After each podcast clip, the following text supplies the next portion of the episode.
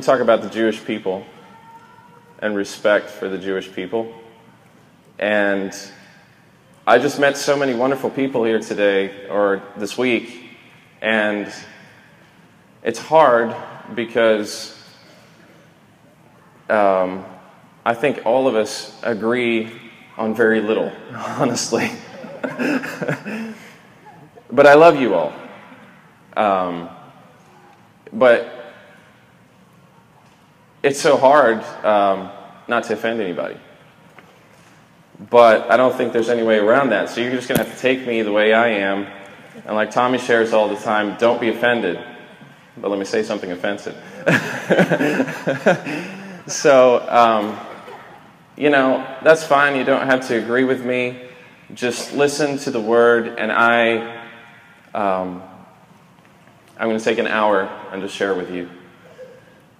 Um, and there's no way we can cover in that time the amount that we need to in the scriptures in order to look at this subject um, from everyone's preconceived ideas. But that's okay. Just um, listen and let's uh, just seek God. Um, so I'm just going to share with you straight from my heart how I feel.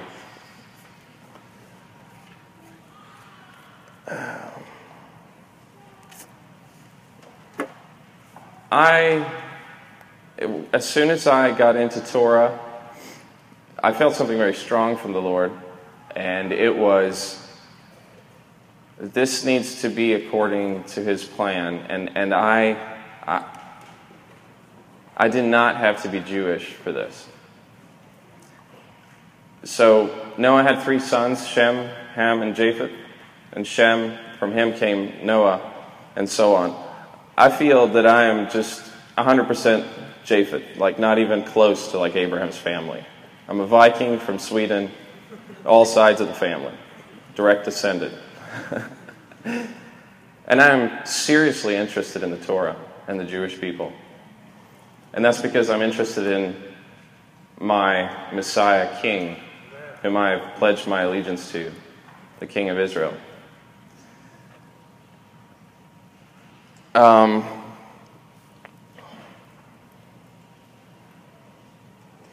we have some differences with the Jewish people. And I want to say this that what I'm sharing is also for, there are many here that might not even have heard about Jewish roots or the roots of our faith, or you might not know these issues, but others are very, they've invested a lot of their time into studying the Word on these topics. So um, that's what we're going to dive into. I think that those who haven't studied it will get something out of this anyway. We have some differences with the Jewish people who are not followers of Messiah, and I think those are important to acknowledge. And um, one of them is the centrality of Yeshua as our Messiah. That is, uh, that is central, and I think we should not be ashamed of that. And another thing is that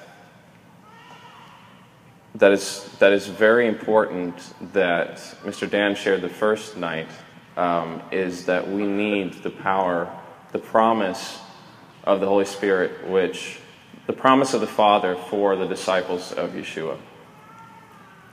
We need it desperately. And we also need, so those two things are, are, are important. Um, and they kind of distinguish the disciples of Yeshua. There are more things than that. But um, another thing that we need is we need, and that's what I'm going to talk about today most of all, is we need the Jewish people. We need the Jewish people.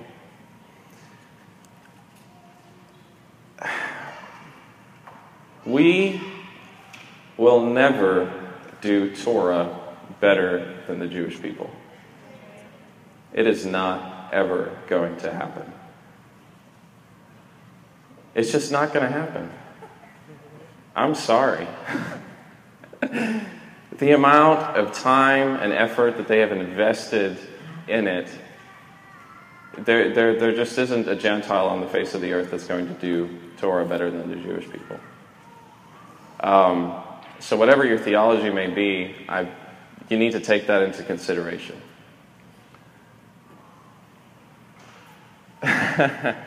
and I want to bring some examples of this, perhaps. And that is, I felt the same way that, that many of many people feel when they study the Torah and they start getting into it after a year, and you're like, wow, this is so exciting, and I can do this and that, and wow, this is this is the path, and you know all these things. And I and I thought I had it kind of all together when I'd gone through it a couple times, but then eh, but then I realized, oh, this thing is bigger. It's bigger and bigger and bigger, and it takes an entire nation to do this. And I don't have a nation and I can't even get a congregation together of like minded people to stick together long enough to do any of this. All right? You'll get there. Um, so, if we're never going to do Torah better than the Jewish people, what are they there for as far as our relationship to them? They um, are there for, they're there as our examples. Um, I've heard the expression, our brother Judah. I think that's a, that's a powerful expression, but I also want to emphasize that they are our fathers in the faith. And I know there's a lot of strong and wonderful teaching here about respect for elders and fathers, and that is crucial with the Jewish people. What are they there for? They're there to shine the light to the nations for us to see an example of how to do things. That's not that to say that we have to do everything the way that they do it. There are differences, I mentioned that, and those are important. We need to acknowledge those. But the Jewish people are our fathers in the faith.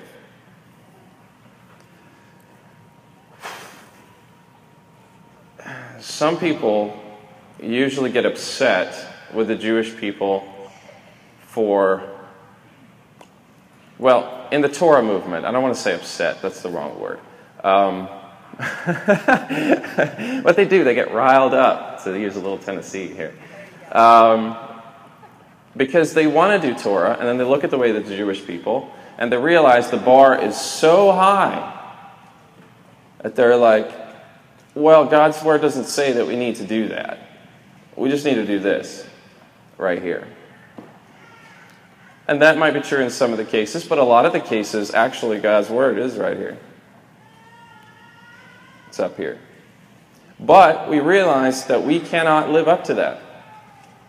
It's just not going to happen. We just don't have what's required in our life and community and society in order to do that. And I want you to strongly resist the urge to be saying this as a response. The Jewish people are just led into the traditions of men. They're wrong. They're out to lunch. I know how to do it by God's word alone. This is how you do it, and it's simple and it's easy because it isn't. A good example, I didn't want to bring this one up because it, it might be disturbing to you. But I think it's the best example I can think of. is a classic example when, when people talk about, okay, the Jewish people have added to God's word and um, they make it much harder than it needs to be, and I'm just as Torah observant as them, um, is, for example, the issue of meat and milk. Um, God's word says, the Torah says three times, you shall not boil a kid in its mother's milk.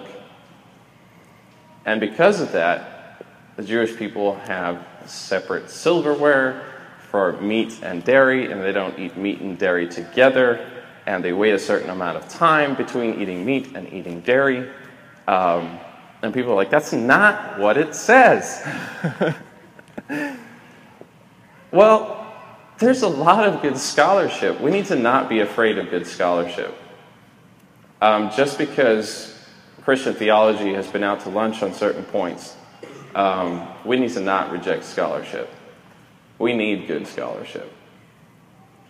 Um, and there's a lot of good scholarship. You can look up evidence for the fact that the ancient farmer in the Middle East would have understood do not boil a kid in its mother's milk, as you shall not cook and eat meat with dairy.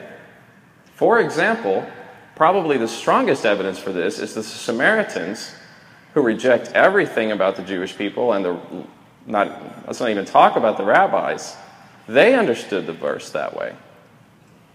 Um, because um, I don't know, we could spend three days here and go through the linguistic issues of why that's that way, but you could look into it. Um,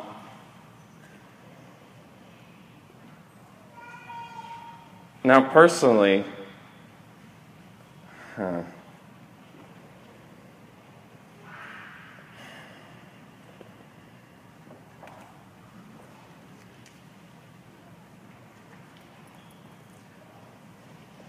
I think there's a difference between me and the Jewish people as far as my responsibility to all of God's commandments. Um, for example, I think it'd be hard pressed for anyone in here to convince me of the obligation to become circumcised. I just don't think that's what the apostles said. Um, and that's a commandment in the Torah.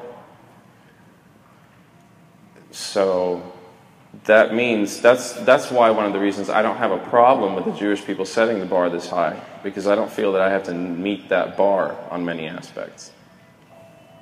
For many of you that feel the obligation to meet all of the Torah's aspects as a non-Jew, I realize that that presents a problem for you. Um, and that's fine. You just walk in your walk with God, and He is good and focus on Him and focus on the kingdom. But I want you to take a second look at looking at the Jewish people and saying what they're doing is just legalistic drudgery beyond the, the Word of God, because it isn't. And the healthy part of the Jewish community do not feel a drudgery with what they're doing.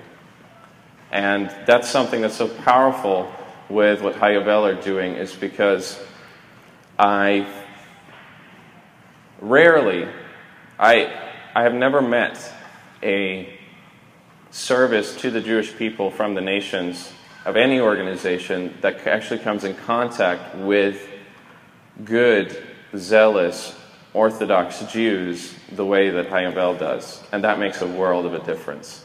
America is not the center of the universe. Jerusalem is the center of the universe.